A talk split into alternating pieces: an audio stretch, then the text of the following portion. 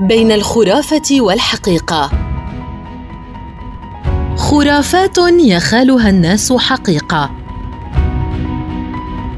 إذا أسقطت ربة البيت إحدى أدوات المائدة دل ذلك على حضور مدعو لا تنتظر حضوره. وإذا قاطع امرؤ سكينا بشوكة خارج الصحن فذلك مجلبة للشقاء.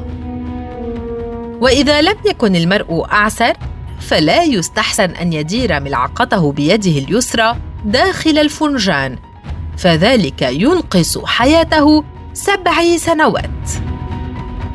ولا تتفاجأوا إن وجدت على المائدة لحم الأسد إذ يقال أن من أكل لحم الأسد شفي من حمى الربع وهي حمى تتعرض للمريض يوما وتدعه يومين ثم تعود إليه في اليوم الرابع.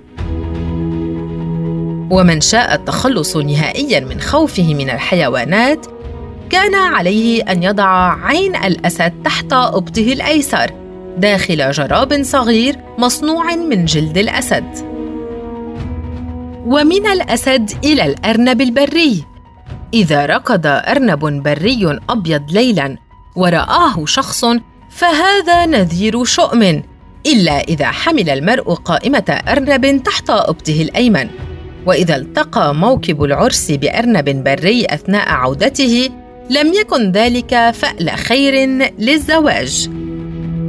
قد يخاف الكثيرون من العناكب ومن بيوتها ولكن يجب الامتناع عن لمس بيوت العناكب لأنها تبعد عنا العين الحاسدة والسحر.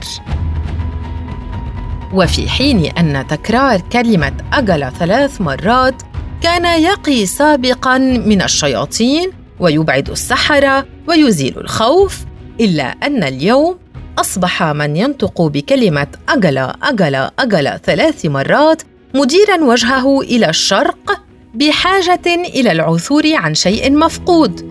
وإذا كرر هذه العبارة ثلاث مرات فقد يجد ما هو مفقود سريعا.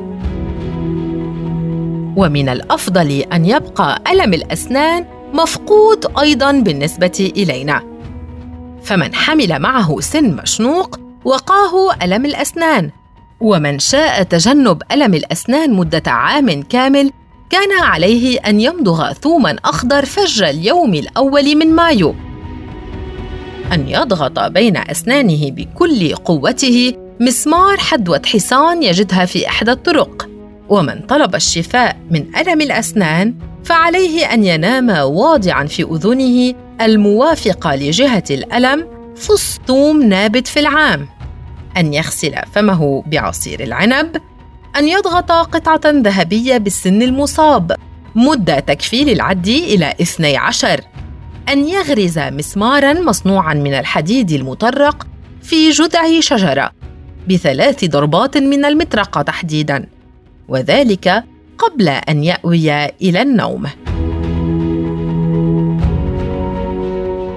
ومن أراد أن يكون له عاماً سعيداً يجب أن يفعل كما يفعل في أفريقيا الشمالية إذ إنهم يقدمون الإوز كأضحية ثم يأكلونها. هذه كانت مجموعة من الخرافات والمعتقدات التي يخالها الناس على أنها حقيقة.